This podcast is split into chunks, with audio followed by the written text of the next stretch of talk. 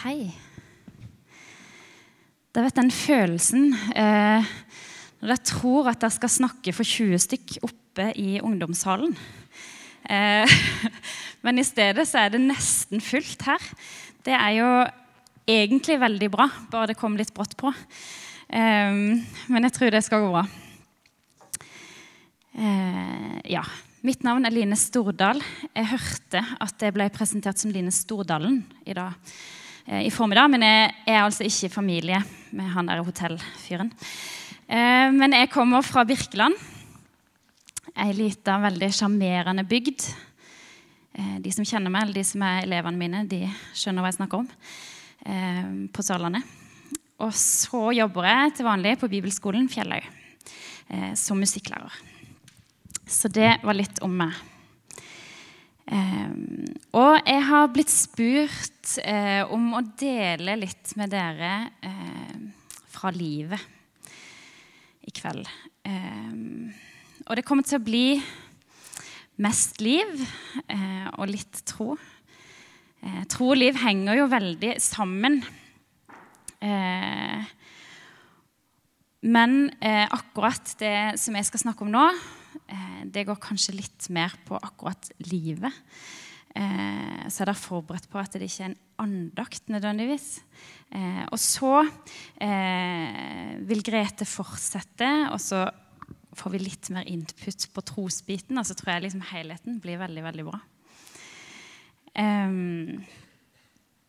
Ja. Jeg kan ikke skryte på meg eh, å ha levd så innmari lenge. Eh, selv om jeg kanskje har levd lenger enn eh, flere av dere som sitter her.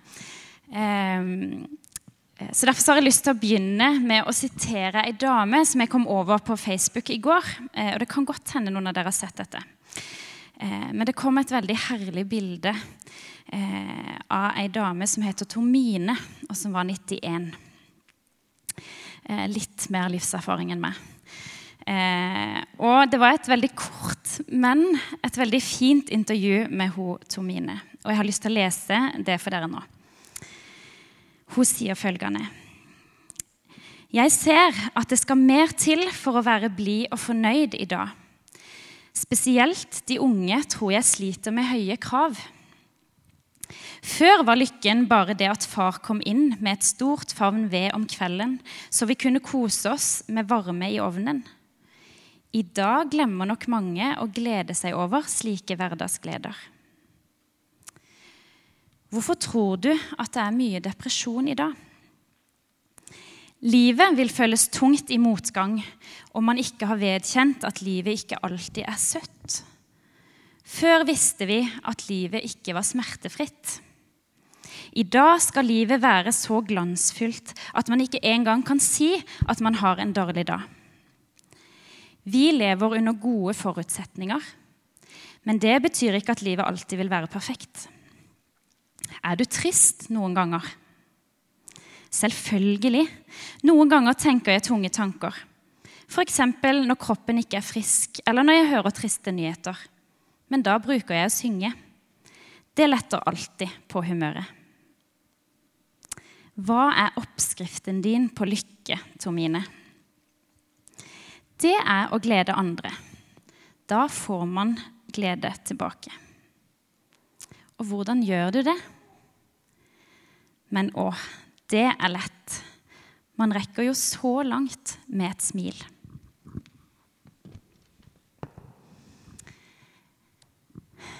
Jeg syns Tomine har noen gode poeng eh, som i alle fall jeg kan lære noe av. Eh, selv om vi nødvendigvis ikke tror at det er så enkelt.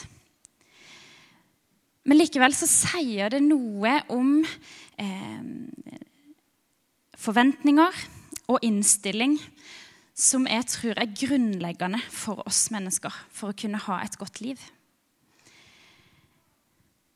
Vi hører masse om generasjon prestasjon om dagen. Det å være sliten om alt presset eh, og hva dette kan føre til av psykiske lidelser i ung alder. Eh, og om flink pike-syndromet.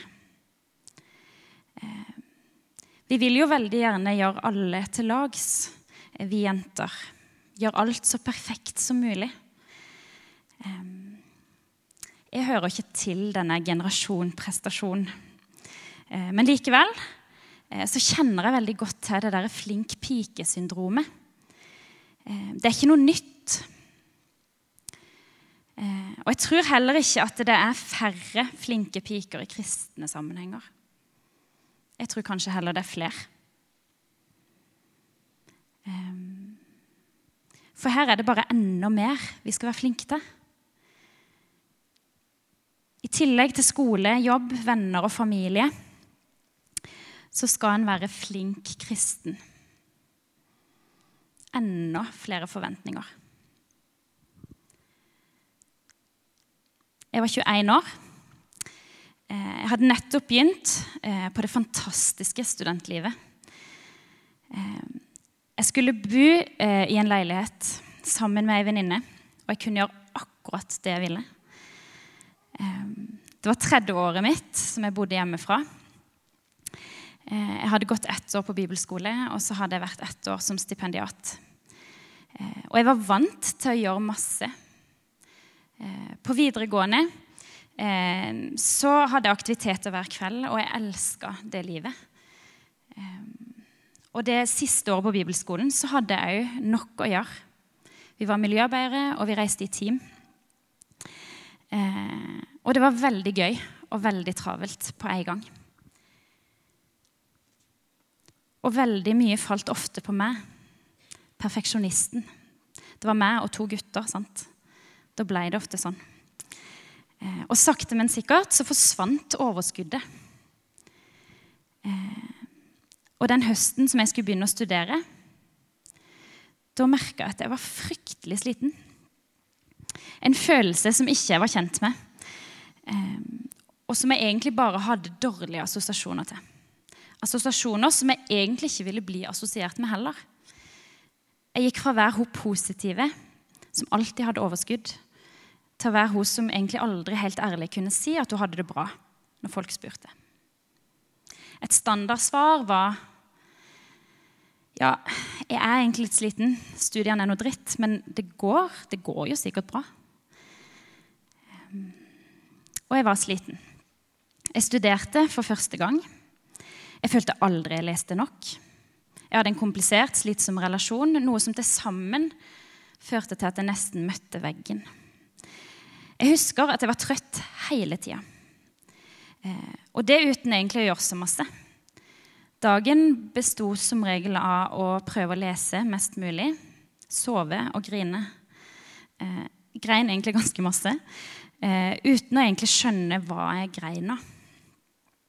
Eh, og Jeg husker ennå når hun eh, bodde med, spurte om jeg skulle være med i en bursdag til en kompis. Så jeg svarte at åh, nei, jeg orka egentlig ikke. Eh, og hun sa, 'Ja, men du er jo alltid trøtt'. Det voksne livet traff meg ganske kraftig midt i fleisen. Mine forventninger, andres forventninger. Det jeg tenkte at var andres forventninger. For meg så ble overgangen fra videregående eh, via to år i boble på en bibelskole eh, til universitetet ganske tøft. Og jeg tror ikke det var tøft fordi at det var noe veldig spesielt som skjedde. Jeg tror bare at det var mitt første møte med det voksne livet. Det var, det var ikke lenger noen som passa på meg. Det var ikke lenger noen som fortalte meg hva jeg burde gjøre, og hva jeg ikke burde gjøre. Jeg hadde alt ansvaret sjøl. Noe som var helt fint når det gjaldt, å være oppe seint eller kunne spise akkurat det jeg ville. Men som ble litt verre uh, i prioriteringene.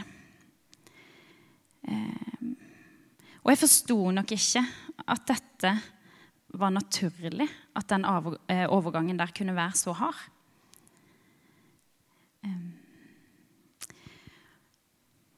Og kanskje kjenner du det igjen. Og det å være sliten, det er ikke noe gøy. Eh, men hva gjør en? Hva gjør en når eh, døgnet egentlig ikke har nok timer? Når skolen krever sitt, vennene krever sitt, familien krever sitt, menigheten krever sitt, og så krever jeg mitt. Eh, og jeg vil jo fikse livet ned til minste detalj, og helst helt perfekt. Og så er engasjement viktig, både i skolen og ellers. Eh, og en skal være flink, og så skal en treffe venner. Eh, og så skal en ha en tjeneste i menigheten, og så skal en helst si ja til alt en blir spurt om, for en har ikke lyst til å være en sånn nei-person.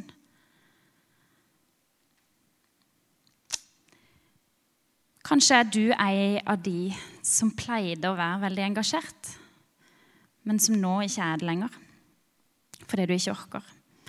Eller er du ei av de som ikke har hatt en frikveld siden februar. Og som kanskje lengter etter at noen bare skal si at du kan ta en real pause. Eller kanskje er du ei av de som ikke kjenner så masse på dette. Og så lurer du på om du kanskje burde føle litt på det. Eh, men det burde du ikke. Eh, på ingen måte.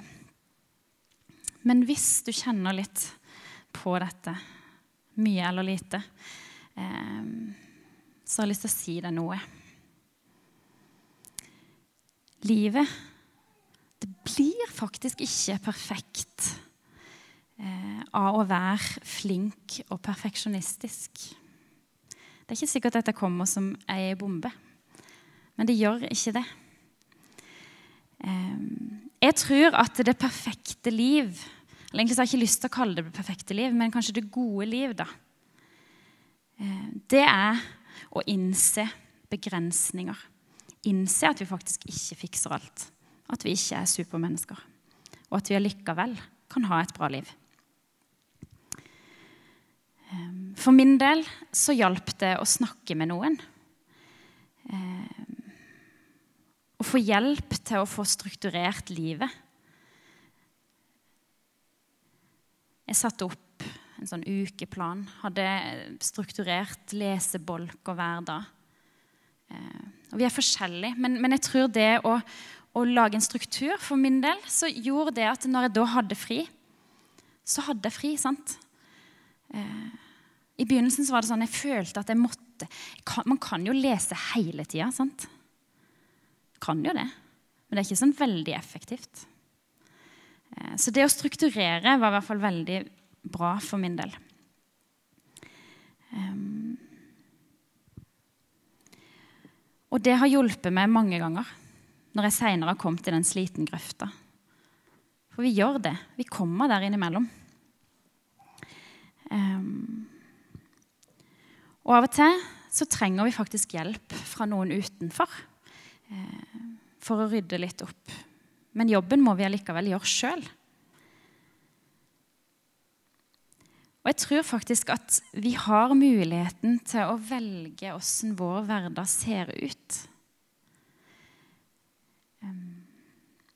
Vi velger faktisk sjøl våre prioriteringer. Sjøl om vi ofte kan føle at andre kan mene masse om hva vi burde, og alt det der. Jeg tror at vi jenter trenger å slekke litt på de kravene som vi setter til oss sjøl. Vi skal hele tida være så forbaska flinke til alt. og mener vi det ikke sjøl, så blir vi fortalt det. Av media, eller sosiale medier, ikke minst. og for min del så har jeg flere ganger gjennom studieåra og fremdeles innimellom måttet tenke på prioriteringer. Hvor mye tid vil jeg bruke på skole, på jobb?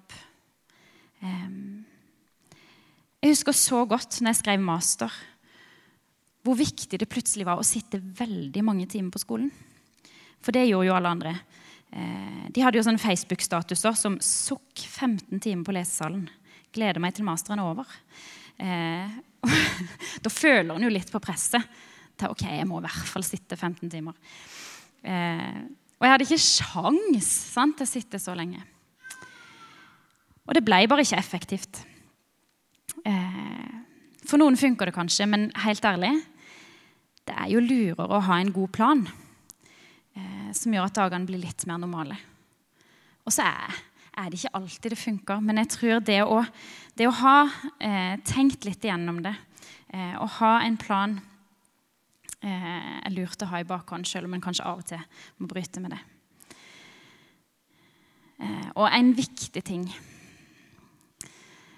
Ta dere fri. Eh, og det høres kanskje litt dumt ut, for så forklart ta dere fri. Eh, men ta dere fri når dere har fri. Greia er det at hvis du legger inn en fridag, men likevel så bruker du egentlig all energi på å tenke på alt du burde gjort, eller den oppgaven som du holder på å skrive, eller så har du egentlig ikke ordentlig fri. Kroppen din slapper ikke av på samme måte. Hvis du skal ha skikkelig uttelling for fridagen, så må du gjøre noe helt annet. Se en film, gå en tur. Koble totalt ut. Um, og det høres kanskje litt banalt ut, men det funker faktisk. For hvis ikke, hvis du fortsetter å bruke energi på det du egentlig har fri fra, så vil heller ikke på en måte hjernen ta fri, og da vil du fremdeles være sliten. Eh, og hvis du er i en skikkelig stressa periode, eh, og alt oppleves litt sånn ueffektivt, og du får ikke gjort det du skal, så ta deg litt fri, da. Det er litt sånn Nei, vi skal jo ikke gjøre det. sant? Vi skal være flinke, og så skal vi sitte på skolen hver dag, og så skal vi gjøre det akkurat sånn som vi tenker er det beste. Men hvis det egentlig ikke har noe for seg sant? det har ikke noe for seg, altså Du kan godt skrive på Facebook at du har sittet 15 timer på lesehallen, men hvis du likevel ikke har gjort noe, så hjelper det jo ingenting. Eh, men det å ta seg en pause, om det er å sette seg ut i sola, lese en bok på Aker Brygge og drikke kaffe, så anbefales det. Det kan være viktig Eh, og det funker.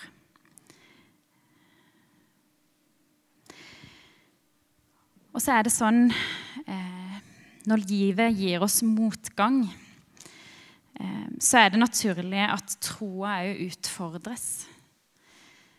Og for min del så, så, var det til tider vanskelig å eh, forstå henne Gud var henne. Jeg hadde jo bedt om hans ledelse. Eh, og så fiksa jeg ikke å studere engang. Hadde jeg bare ikke hørt nøye nok etter på hva han sa, eller um, Jeg klarte ikke å være den flinke som jeg hadde lyst til å være. Og som jeg trodde at jeg burde være.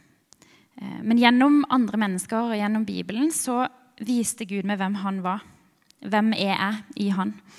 Uh, og det er faktisk helt unikt. Vi er helt unike for Gud. Og det høres kanskje ut som en klisjé, eh, men det er sant. Eh, og I Isaiah 43 så står det fordi du er dyrebar i mine øyne, akta høyt, og jeg elsker deg.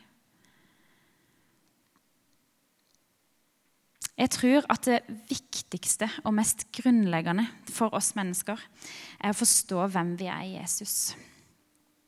Eh, som kristne så kan troa bli enda noe mer som vi skal fikse og være flinke til. Eh, men egentlig så er troa meint å være frigjørende. Verden kan kanskje fortelle oss at vi skal være flinke piker, men Jesus han forteller oss at vi er helt unike. Akkurat sånn som vi er. Eh, og dette skal Grete snakke litt mer om etterpå. Og helt til slutt så har jeg noe jeg har lyst til å si til dere. Det er ikke så veldig farlig å være sliten sånn innimellom. Det er faktisk helt normalt. Og det tror jeg er litt viktig at vi vet, spesielt når det er så mye fokus på det som det er. Det er ikke sånn eh, at når du føler deg trøtt, så holder du på å få en diagnose. Det å studere det er faktisk hardt til tider. Og det å være engasjert krever noe av oss. Ikke la det å være sliten eller det at noe er stress, ikke la det hindre deg i å gjøre ting. Vi må innse, sånn som Tomine sa, at livet det er ikke bare søtt. Sånn er det. Eh, og så tror jeg ikke at livet blir bedre av å si nei til alt vi blir spurt om, eller kun akkurat stå på eksamen. Eh, men jeg tror at vi av og til trenger å si til oss sjøl at 80% det er mer enn godt nok. Eh, og at vi er fornøyd med det. Og så kanskje vi av og til må ta en lørdagskveld hjemme. Eh, og det er kanskje ikke det som frister mest. For det fins ikke noe så tragisk som å sitte alene hjemme en lørdagskveld. Eh, men hvis du trenger en frikveld, så gjør det. Eh, det er ingen andre som gir deg den. Vi har faktisk et ansvar sjøl.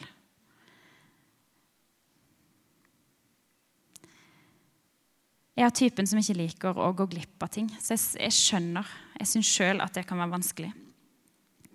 Og det krever sitt å være aleine. Eh, men av og til så er det nødvendig. Og så tror jeg det at eh, de andre dagene de blir så mye bedre når en prioriterer akkurat den nødvendigheten.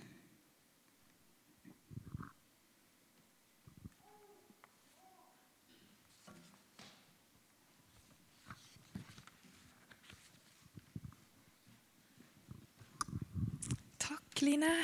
Så fint å høre på deg. Oi, hører ikke var så mange, ja. Nå ble jeg litt uh, eh, overraska. Veldig bra. Ja, jeg heter Grete og uh, bor på Fjellhaug på Sinsen. Og har altså den nydelige jobben at jeg får treffe mennesker for lønn for å ha sånne fine møter med nydelige mennesker som jeg kan få snakke litt med. Så jeg jobber altså som sjelsørger og veileder. Eh, og det syns jeg er veldig stas. Eh, og så har jeg bare lyst til å si at Dette med å være alene en lørdagskveld det må dere bare utnytte mens dere kan. For det er en gavepakke. det vil Jeg bare si. Jeg begynner å få såpass store unger, så de legger seg jo aldri. Jeg holder på å få pustebesvær. altså. Jeg sitter og bare tenker Ja, hva med å liksom gi mor litt uh, uh, ja. Så det må dere bare nyte så lenge dere kan. Det var dagens oppfordring. Uh, og jeg har vært uh, litt sånn i tvil om hva jeg skulle dele, men nå begynner jeg på noe, og så ser vi litt hvor det ender hen. Er det greit? Ja. Når hun, uh, Line snakker nå, så kom jeg på Emmausvandrerne. Så skal jeg bare begynne litt med det først, selv om ikke det var helt planlagt. Det som er så fantastisk med Bibelen, det er at der finner vi Eh, veldig mye eh, ja, Om ikke en alltid opplever at en finner svar sånn veldig svart på hvitt, så finner vi i alle fall ting som vi kan relatere oss til. Ting som kan tale inn i livet vårt, ting som vi kan tenke å ja, er, ja det er ikke en sånn 2016-ting. altså. Det, dette her er noe som er foregått før. Og det er jo noe av det fascinerende med oss mennesker, at vi er veldig menneskelige. Veldig menneskelige, Og det har vi alltid vært. Og det var vi også på den tida når Bibelen ble skrevet. Derfor er det masse fint å finne. Og Emmausvandrerne de, eh, husker dere kanskje at de er jo der på vei fra Jerusalem etter at Jesus er død. Men de har begynt å gå kanskje ikke, lørdagen, eller så de har i hvert fall ikke fått med seg at Jesus er stått opp igjen. Så den siste liksom, nyheten har ikke de fått med seg. Eh, men de har vært i Jerusalem. Kanskje er det noen som har fulgt Jesus på veien. Vi vet ikke skikkelig hvem de er, men de har i hvert fall hatt en enorm forventning til Jesus. Og Så går de der og snakker og er altså så skuffa over dette som har skjedd, at Jesus, han som de hadde satt sin lit til, han er død. Og så er det akkurat som de liksom spør var, var dette alt? Var dette alt? Og jeg tenker, Dette er et spørsmål som jeg tror vi mennesker med på et eller annet tidspunkt i livet kan spørre oss sjøl. Var dette alt? Var det sånn det skulle bli? Var ikke det som var mine planer? I ungdomsundersøkelsen så ble ungdommer i Norge en sånn svær undersøkelse spør vet ikke, vet ikke, 15 000 ungdommer. Det er liksom kjempemange, så en får liksom et godt bilde av det. Så ble ungdommer i Norge spurt om hva en er aller mest redd for. Er det noen som har fått med seg svaret på det. Jeg syns det er kjempeinteressant. Det ungdom i dag er mest redd for i Norge, det er å ikke bli lykkelig. Det var det svaret som kom oftest. Det en er aller mest redd for, det er å ikke bli lykkelig. Og da tenker jeg litt sånn, da er, det ganske, da er liksom fallhøyden ganske stor, da. Den er jo det. Hvem kan liksom eh, skilte med liksom total lykke? Det, er, det kan ikke jeg gjøre, iallfall. Jeg kan ikke gjøre det. Hvis det er det en har forventninger til dette livet. Og så tenker jeg at det er noe vi må snakke mye om, og vi må møte ungdom med noe annet. Altså i hvert fall å snakke om hva denne lykken skal være. da. Hva er den? Og Det kunne vi snakka mye om, det skal ikke vi gjøre nå. Men jeg tenker at vi har iallfall noen andre svar, vi som kjenner Jesus. Eh, for hva er dette livet i Gud? Og Da er det et uttrykk som jeg har lyst til at vi skal se litt på, som vi finner mange plasser i Bibelen. Men i Efeserbrevet, kapittel 1, så er det et uttrykk som kommer, liksom, ram, blir ramsa opp igjen og opp igjen. opp igjen. Og Det er dette uttrykket 'i Kristus'. I Kristus. Og det er et nøkkel, et nøkkelbegrep for oss som hører Jesus til. Eh, og Da skal vi lese noen vers i lag. og Nå får vi dem opp sikkert på bokmål, og så leser jeg dem på nynorsk. og Det er jo litt forvirrende, men eh, sånn ble det nå. Men fra eh, Efeserbrevet kapittel 1 så står det fra vers eh, 3. Velsigna er Gud, vår Herre Jesu Kristi Far, Han som i Kristus velsigna oss med all andens velsigning i himmelen. I Kristus valgte han oss ut før verden ble grunnlagt, til å stå for Hans ansikt, hellige og uten feil. I kjærleik og etter sin egen gode vilje avgjorde Han på førehånd at vi skulle få rett til å være Hans barn ved Jesus Kristus, til lov og pris for Hans eh, herligdom og nåde, som Han så rikelig ga oss i Han som Han elsker så høyt. Har jeg tatt med mer? Eh, hadde jeg mer, Maria? Nei, det var deg. Ja. Er veldig bra. Der, der står veldig mye bra videre i Efeserbrevet, så det kan dere lese når dere kommer hjem igjen. Efeserbrevet kapittel 1.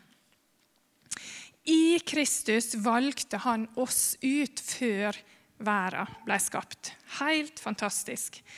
Og så står det altså her i vers 4 vi ble kalt til å stå ansikt til ansikt med Gud. Det er et enormt radikalt budskap. Vi er kalt til å stå ansikt til ansikt eh, med Gud. Og nå skal jeg si en litt sånn eh, gammel dameting, da, men det er at eh, når jeg satt på trikken nedover i dag, så, jeg, så la jeg og så jeg meg litt rundt. Jeg syns det er morsomt å sitte og se litt på folk. Og da sitter jo folk liksom sånn da med disse skjermene sine. Og det gjør jo eh, gjør, jeg er altfor glad i telefonen min, så jeg, dagens bekjennelse. Men, men, likevel så slo det meg det at hvor lite liksom, vi ser ansikter til hverandre da, i dagens samfunn. Fordi at vi er veldig snare. Med en gang det er en litt sånn eh, tendens til ubehagelig stillhet, så zuff, så har vi noe å liksom rømme til. Da. Det er jo behagelig, for så vidt. Men jeg tror at dette, disse møter, disse menneskelige møter ansikt til ansikt er jo så viktige. Når et barn blir født, så er det helt avhengig av men denne kontakten ansikt til ansikt. Når du skal si noe skikkelig viktig til noen, enten til kjæresten din eller til en god venninne, når du skal si noe skikkelig viktig, så, så søker vi ansiktet. Sant? Litt sånn Du, hør, da! Hør på dette her. Og så ønsker Gud oss velkommen, ansikt til ansikt. Og det er litt skummelt på en måte å møte Gud sånn, for det som skjer når vi møter Gud ansikt til ansikt, så ser han alt. Sant? Da ser han alt, dette som vi kanskje prøver å skjule, både for oss sjøl og for andre. Men i dette møtet så skjer jo det fantastiske at en kan oppleve seg elska. Fordi at vi opplever det at Guds ansikt det er ikke noe som klandrer eller som, eh, som eh, slår oss ned. Men det er et blikk som sier 'du er villa'. Jeg ville deg. Tenk det. Han vil. Han ville skape deg. Det er derfor du er til. Du er villa, og du er ønska, og du er elska. Og jeg tror at hvis vi greier å ha et sånt tyngdepunkt i livet, da, der der er tyngdepunktet. Der vi er liksom jorda. Det er der vi er festa fast. Det er der ankeret mitt er. Så vil vi være i bevegelse, og vi vil, vil vi bli kasta hit og dit. Og det vil være vanskelige ting som møter oss i livet. Men likevel så er tyngdepunktet vårt eh, noe annet, sånn at vi blir ikke slått ut, da, tror jeg. Um, i, I, dette møtet ansikt til ansikt med Gud så vil vi også bli konfrontert med synd i vårt liv. Det som ikke er sånn som det skal være. Men vi blir konfrontert med det fordi han sier, 'La meg få rense deg igjen. La meg få tilgi deg igjen.' Og så blir vi ferdig med det. Og så hører vi det at i dag så er det veldig mange flere som er plaga med skam enn med synd. Vi, vi, litt skam det er liksom bra, da. Det er bra at vi, at vi kjenner på f.eks. et behov for å kle på oss før vi går ut. Det er jo, en, det er jo liksom litt greit, tenker jeg, at vi, at vi gjør det. Det kunne blitt litt sånn stressende hvis ikke. Sånn at eh, En sånn sunn skam som gjør at jeg ikke deler absolutt alt med alle, men at jeg har noen helt tett innpå meg som kan få vite ganske mye, og så har jeg noen litt lenger ute, sånn, det er, liksom, det er bra. Det er en bra ting. Men denne skammen som begynner å sette seg i magen på oss, og som definerer at vi ikke er bra nok, og alle disse tingene her, den er litt mer skummel. Og I helga nå så hadde vi fellesskapskonferanse på Fjellet, og da var det en som sa det. Skammen, vet du, den sniker seg inn fra sida var det en som sa. Det syns jeg var utrolig godt sagt. var ikke det? Skammen den sniker seg inn fra sida. Sånn og der er det ikke så lett å forsvare seg. sant? En, en får nesten ikke med seg at det skjer. Og så setter den seg i oss nesten før vi merker det. Og så tenker jeg da på kontrasten til en Gud som ikke driver og sniker seg inn, men sier 'Kom inn foran mitt ansikt. Der skal du få møte meg. Der er du trygg. Du har kontroll. Jeg vil møte deg der. Du er et menneske. Jeg er Gud, men jeg vil være der sammen med deg. I Kristus. I Kristus har han kalt oss til å komme inn der. Og så har jeg bare lyst til å si at Dette er ikke et sånt trangt rom. Det er ikke et sånt trangt klaustrofobisk rom som vi liksom må, må, på en måte presse oss inn i for å passe inn. Inne foran Guds ansikt der, der er det plass til hele oss og hele vårt liv. Det som ikke går så bra, det som går veldig bra, det som vi er veldig glad for, det som vi er veldig lei oss for, det er det plass til inne foran Guds ansikt. Og Noe som jeg av og til spør de som jeg møter i sjelesorg, har du snakka med Jesus om dette? Og jeg blir litt sånn overraska når jeg hører at folk sier «Øh, nei, det har ikke jeg. Fordi det er for vanskelig. Så tenker jeg Gud han er en som inviterer deg til å snakke om også det vanskelige. Snakke med Jesus om det. Det er plass til stor bevegelse inne foran Guds ansikt. I, det er et vers som sier sånn I Han er det vi lever og ånder, altså puster, og er til. Det er fantastisk. I Han er det vi lever og puster og er til. Og så har jeg lyst til å si det at selv om da vi møter, eller har dette fantastiske budskapet, så kan en også oppleve at Gud er taus. Og at dette fantastiske kristne livet som skulle være så fylt med både lovsang og glede, ikke, ikke kjennes sånn. Og Det er ganske vanlig, og vi kan for mange plasser i Bibelen lese om i Salmenes bok f.eks. Har du det sånn, så finn fram Salmenes bok og les der. Der er det mange som roper til Gud. 'Hvor er du hen? Hvor er du, Gud?' Og det har kristne mennesker erfart gjennom eh, alle tider. Og Jeg har ikke noe godt svar på hvorfor det er sånn. De gamle kirkefedrene de kalte det gjerne for sjelens mørke natt. At det var, eh, var sånne perioder som, som, ikke alle, heldigvis, men som noen gjennomgår. Og hvorfor det er sånn, hvorfor Gud av og til kan virke som han skjuler seg, det vet ikke jeg. Men han glemmer oss aldri. Og jeg tror at han er der selv om ikke vi ser han. Jeg må iallfall holde fast i det. At også når jeg ikke ser han, så tror jeg han er der. Og så til slutt livet her og nå er viktig. Og jeg tror det er viktig for Jesus. Jeg tror det er viktig for Jesus at vi har det bra. Men jeg tror det er enda viktigere for Jesus at vi kommer hjem igjen til han en dag. Det tror jeg er enda viktigere. Og Det er litt sånn vanskelig å snakke om i, dag, når vi vil, vi vil liksom lykkes på alle punkt. Men det, for meg er det kristne håpet blitt viktigere og viktigere. Det at jeg en dag skal hjem igjen til en himmel, til en evighet, som blir så uendelig i forhold til det knerte lille som vi har her, selv om vi kanskje blir 100 år. Veldig mange av dere kommer jo til å bli 100 år, sier all statistikk. Det er kjempebra. Dere, det er dere som blir intervjua med sånne kloke ord. vet du. Ja da, lykkelig det er fordi at sant? Da må dere si noe klokt. Det er kjempebra. Så, så mange av dere vil bli det. Men, men, det er så lite, da. Det er en liten pust i forhold til den evigheten som Jesus frelste oss til. Der vi bare skal få være sammen med Han der det står at vi skal lovsynge foran Hans trone dag og natt. og Det jo, høres ut som et mareritt for de som ikke er glad i å synge, men jeg tror på en måte at det blir bra for dem med. Tror det. Sant? Men der er det evig glede, eh, også for, for mennesker som går gjennom tunge ting i dette livet.